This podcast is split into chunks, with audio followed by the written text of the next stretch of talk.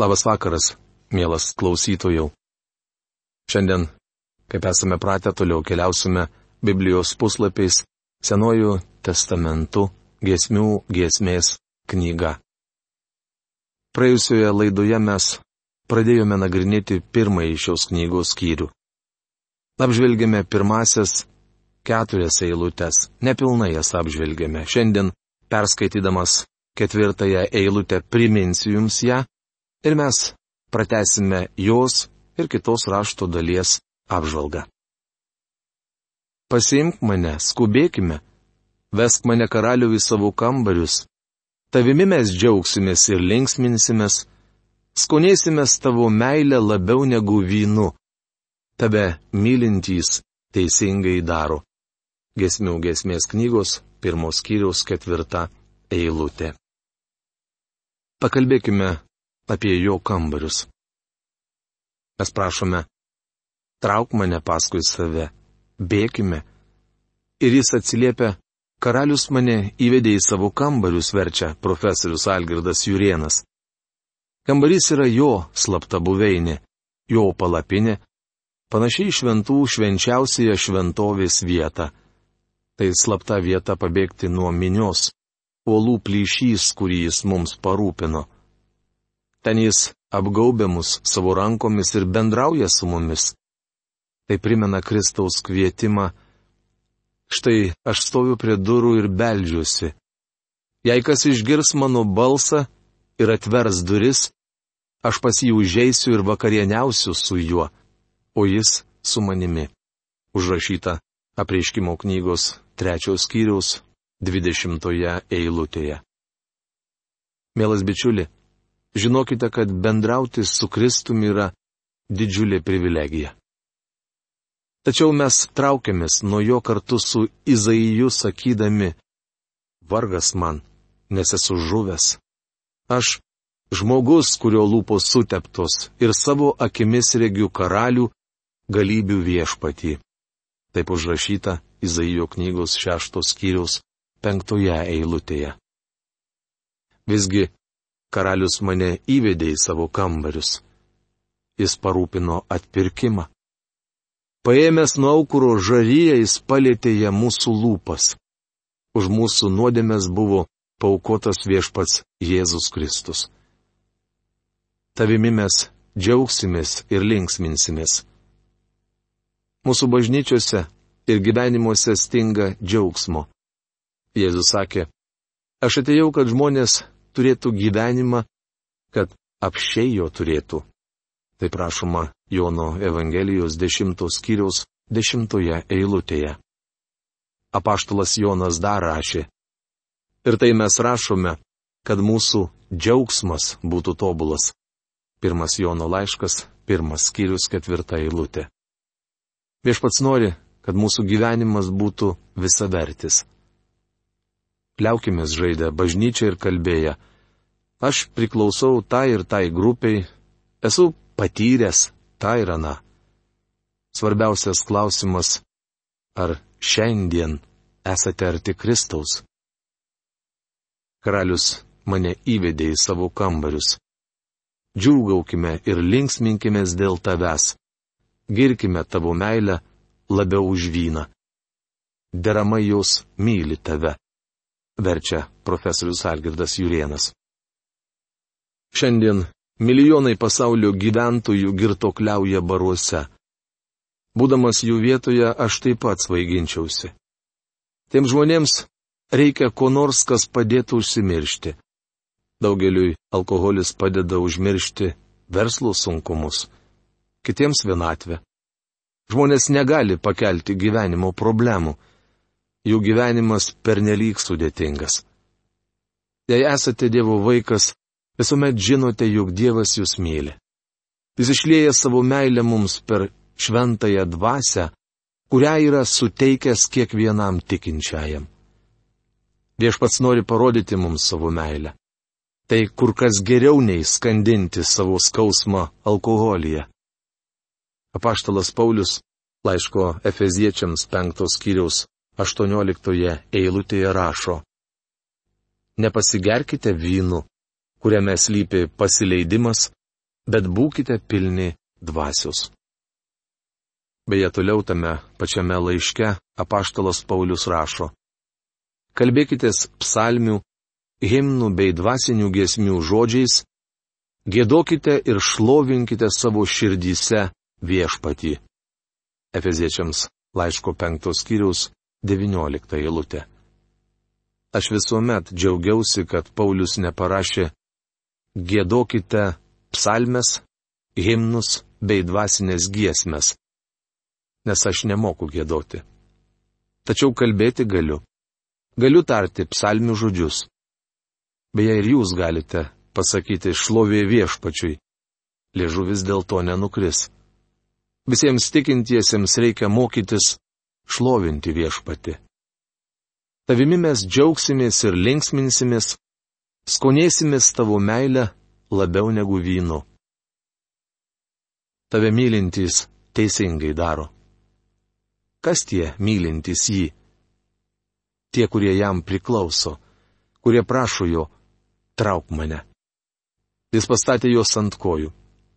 Dabar išgelbėtėjai turi bėgti gyvenimo lenktynėse, žiūrėdami į savo tikėjimo vadovą ir ištobulintoje Jėzų.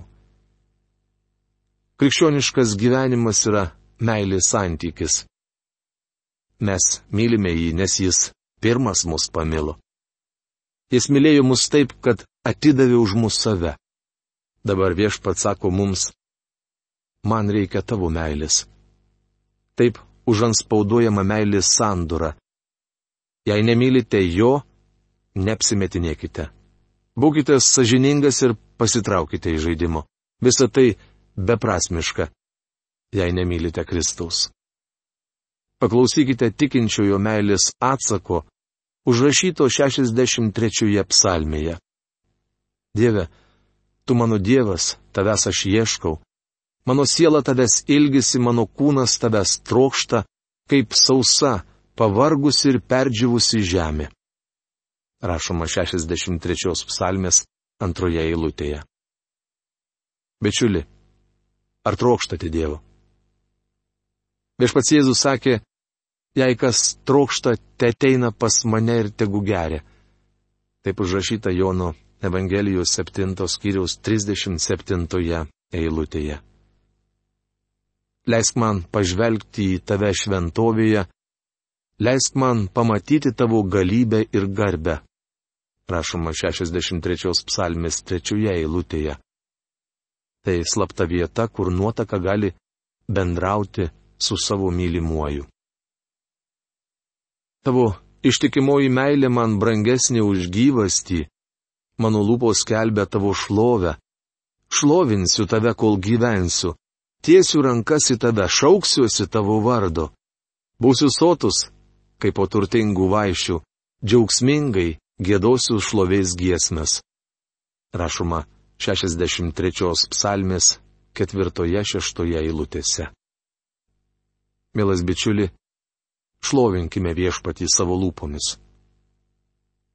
Kad tu mano pagalba ir tavo sparnų ūksmėje krikštauju iš džiaugsmo, Prašoma 63 psalmės 8 eilutėje. Prisimenate, viešpas Jėzus sakė, norėjęs surinkti Jeruzalės gyventojus, kaip višta surenka savo viščiukus po sparnais. Žiūrėkite, tai parašyta Mato Evangelijos 23 skyriaus 37 eilutėje. Šie žodžiai atspindi Jėzaus meilę ir troškimą apsaugoti bejėgius nuo pavojaus glaudžiuosi prie tavęs, tavo dešinė mane palaiko, o tie, kurie stengiasi mane pražudyti, te žengia į žemės gelmes. Te sudoroja juos kalavijas, te tampa jie šakalų grobiu. O karalius džiaugsis Dievu. Visi, kurie Dievu prisiekia, džiūgaus, nes melagių lūpos bus užčiauptos. Rašoma 63 psalmės 9-12 eilutėse kaip nuostabiai vaizduojamas tikinčiojo atsidavimas Kristui. Tamseveidė mergaitė. Esu juodbruvė, bet graži, o Jeruzalės dukterys, kaip kedaro palapinės, kaip Saliamono palapinių dangus. Nežiūrėkite iš aukšto į mane, kad aš tamse veidė. Tai saulė mane įdegino. Mano motinos sūnus supyko ant manęs ir padarė mane vynuogynų prižiūrėtoje. Savo pačios vynuogyno neprižiūrėjau. Gesmių gesmės knygos pirmos skyriaus penkta šešta eilutės. Kedaro palapinės buvo gaminamos iš juodų avių ir ožių kailių. Net ir šiandien tame krašte galima išvysti klajoklių gyvenančių juodose palapinėse. Vadindama save juodbruvę, nuotaka neturi omenyje, kad yra juoda odė. Tai buvo žydų mergaitė, kilusi iš Šulamo apylinkių. Ji pati paaiškina, kodėl yra tamseveidė. Mergaitės namiškiai, ūkininkai nuomoja vieną iš Saliamono vynogynų, padarė ją vynuogino prižiūrėtoje. Į įdegusi saulėje. Aš tamse veidė, tai saulė mane įdegino. Mergaitė juodbruvė, bet graži. Šiandien sakoma, kad juoda oda yra gražu. Norėčiau pasakyti, kad viešpačiui svarbiausia ne odos spalva, bet žmogaus širdis. Iš tikrųjų, odos spalva neturi jokios reikšmės. Svarbiausia yra širdies būklė. Įdomu, kad mūsų odai didžioji saulės spindulių spektro dalis nedaro jokio poveikio. Ja nudegina tik vadinamieji ultravioletiniai spinduliai. Jie prasiskverbia pro debesis, todėl galima įdegti net debesuotą dieną visai to nesitikint. Kadangi sergau vėžiu, gydytojas įspėjo mane vengti saulės spindulių, Jis liepė man vaikščioti su kepuraitė net tuo met, kai apsiniaukia. Svarbu nepamiršti, kad ultravioletiniai spinduliai gali nudeginti odą ir sukelti vėžį. Daugelis žmonių mano gali išeiti iš švento Dievo artumo šviesą be apdangalų. Patikėkit, niekas negali artintis prie švento Dievo, neapgauptas Kristaus teisumu. Tai apsauga, kurią suteikia viešpats, paslėpdamas mus po savo sparnais. Kad galėtume ateiti pas Dievą, turime apsirengti Kristaus teisumo rūbu. Grįžkime prie saulėje įdegusios mergaitės. Į triūsė laukia, nes jos motinos sūnus supyko ir padarė ją vynuogynų prižiūrėtoje. Apibūdindamas save nuotaka sako, savo pačios vynuogino neprižiūrėjau. Tai reiškia, kad ji graži iš prigimties, bet neturi kada savimi pasirūpinti. Mergaitė neturi laiko lankytis salone ir puoselėti savo grožio. Ji nesusišukavusi, nepasidažiusi, nes turi daug darbo. Dievo akise žmonija nėra graži.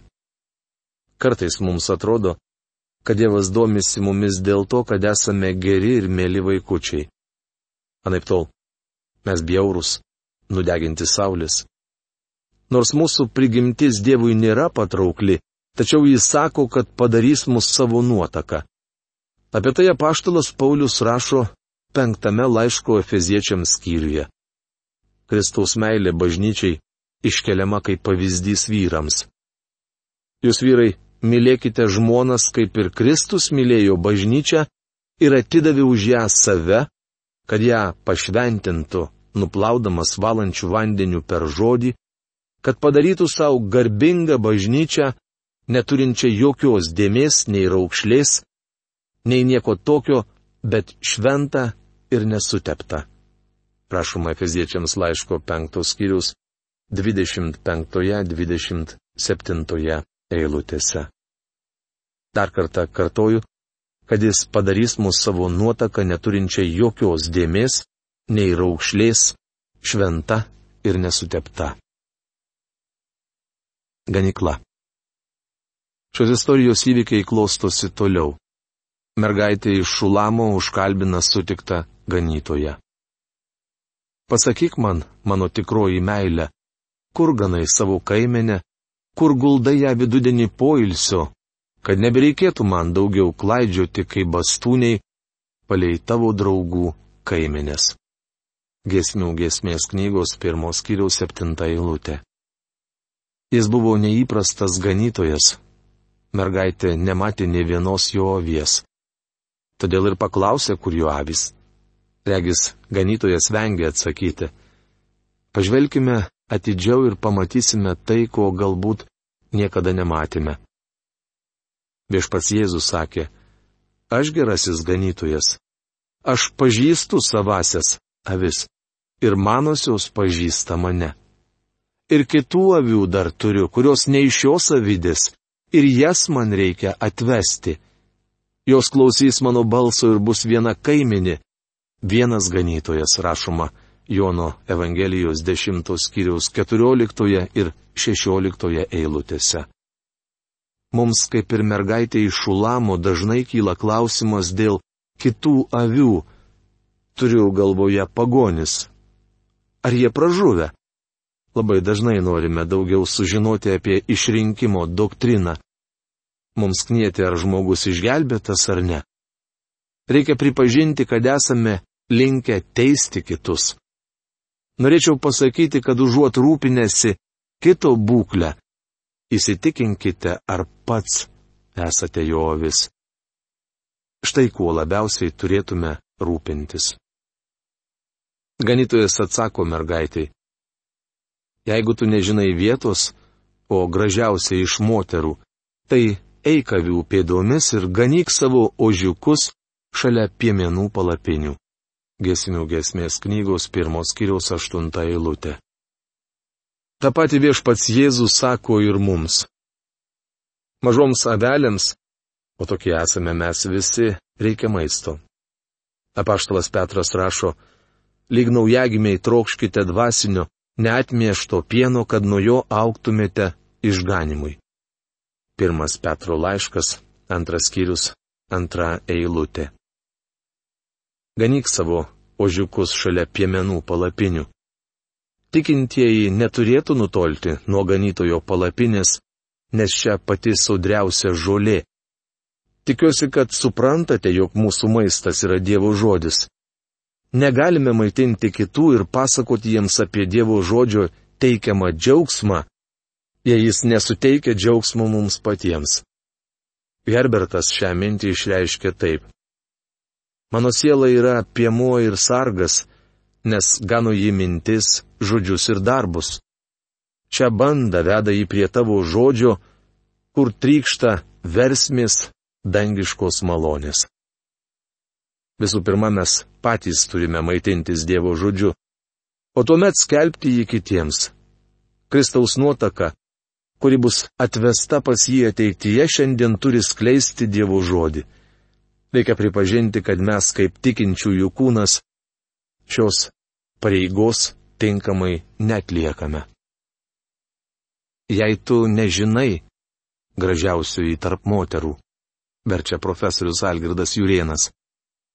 Tenka pripažinti, kad dažnai į daugybę klausimų neturime atsakymų. Kai buvau jaunas pamokslininkas, bandžiau rasti visus atsakymus. Tačiau kažkas davė man gerą patarimą. Žiūrėk, kad kažko nežinodamas, neimtum abejoti tuo, ką žinai. Ar žinote, kad Kristus numirė už jūsų nuodėmės? Ar esate tikras, kad juo tikite? Ar pasikliaujate juo? Jeigu taip, tuomet galite pasakyti, aš žinau, kad mano atpirkėjas gyvas, kaip prašoma Jobo knygos 19 skyriaus 25 eilutėje arba Žinau, kuo įtikėjau. Kaip užrašyta antrame Timotiejui laiške pirmame skyriuje 12 eilutėje. Šio žodžius pasakė apaštalas Paulius, nors jis niekada netvirtino viską, žinas apie išrinkimo doktriną. Taigi, ko nors nežinodami, neimkime abejoti tuo, ką žinome. Manau, kad mergaitė iš Šulamo ganytoje sako būtent tai. Kitaip tariant, jis patarė nesirūpinti tuo, ko nežinome, bet ganyti savo aveles. Tai mūsų atsakomybė. Mūsų radio programų klausėsi viena moteris iš Ohajo valstijos. Nors toji ponia yra lygos prikaustita prie lovos, tačiau kiekvieną mėnesį jį sutinka maždaug tūkstantį žmonių. Kiekvieną sutiktą jį paragina pasiklausyti per radiją transliuojamų Biblijos mokymo programų. Taigi ta moteris tikra misionierė. Esu tikras, kad ši tikinčioji daug ko nesupranta ir ją iškyla daug klausimų. Tačiau dar nesu gavęs iš jos laiško, kuriame jį ko nors klaustų. Moteris nešvaisto laiko klausinėdama, jį užimta Dievo žodžio skleidimu. Ganytojas ragina mergaitę daryti tą patį. Jis sako, tau nebūtina žinoti apie kitas avis. Ganyk savo kaimenę. Svarbiausia, pati skelbk jiems Dievo žodį. Mielas klausytojau, jūs dabar klausėte šių paskutinių eilučių ir turbūt galvojote, o, nerašysiu daugiau redakcijai, nes atrodo, kad jie visai nesidomi manimi ir jiems neįdomu mano rūpešiai ir mano nesupratimas. Ne, taip nėra. Mes laukiame jūsų laiškų ir be galo dėkingi jums už tai, ką jūs mums pasakote. Kartais tai prieštarauja visam tam, ką mes dėstume. Bet tai kiekvieno iš mūsų reikalas, ką mes su tuo, ką sužinome ar žinome, ar taip kaip jaučiamės, taip kaip susivokiame, darysime. Šiandien mes tengiamės jūs vesti į tas žalias lankas, prie gyvųjų vandenų, tai yra prie Dievo žodžio, kuriame ganantis kiekviena Dievo avis gali pamisti tikrų maistų, tą maną, kurią mito Izraelitai dykumoje. Taigi, mielas klausytojų, kaip gyra su jumis, ar jūs mintate tuo pienu? net mieštų pienu, kad nuo jo auktumėte išganimui. Šis klausimas te pasilieka jums. Apmastykite tai. Ir galite duoti atsakymą tam, kuris viską mato ir viską žino. Ir kiekvieno iš mūsų laukia išskleidęs sparnus. Kaip ta višta. Jis nori priglausti po savo sparnais kiekvieną. Šios dienos laidos laikas baigėsi. Iki greito susitikimų. Sudė.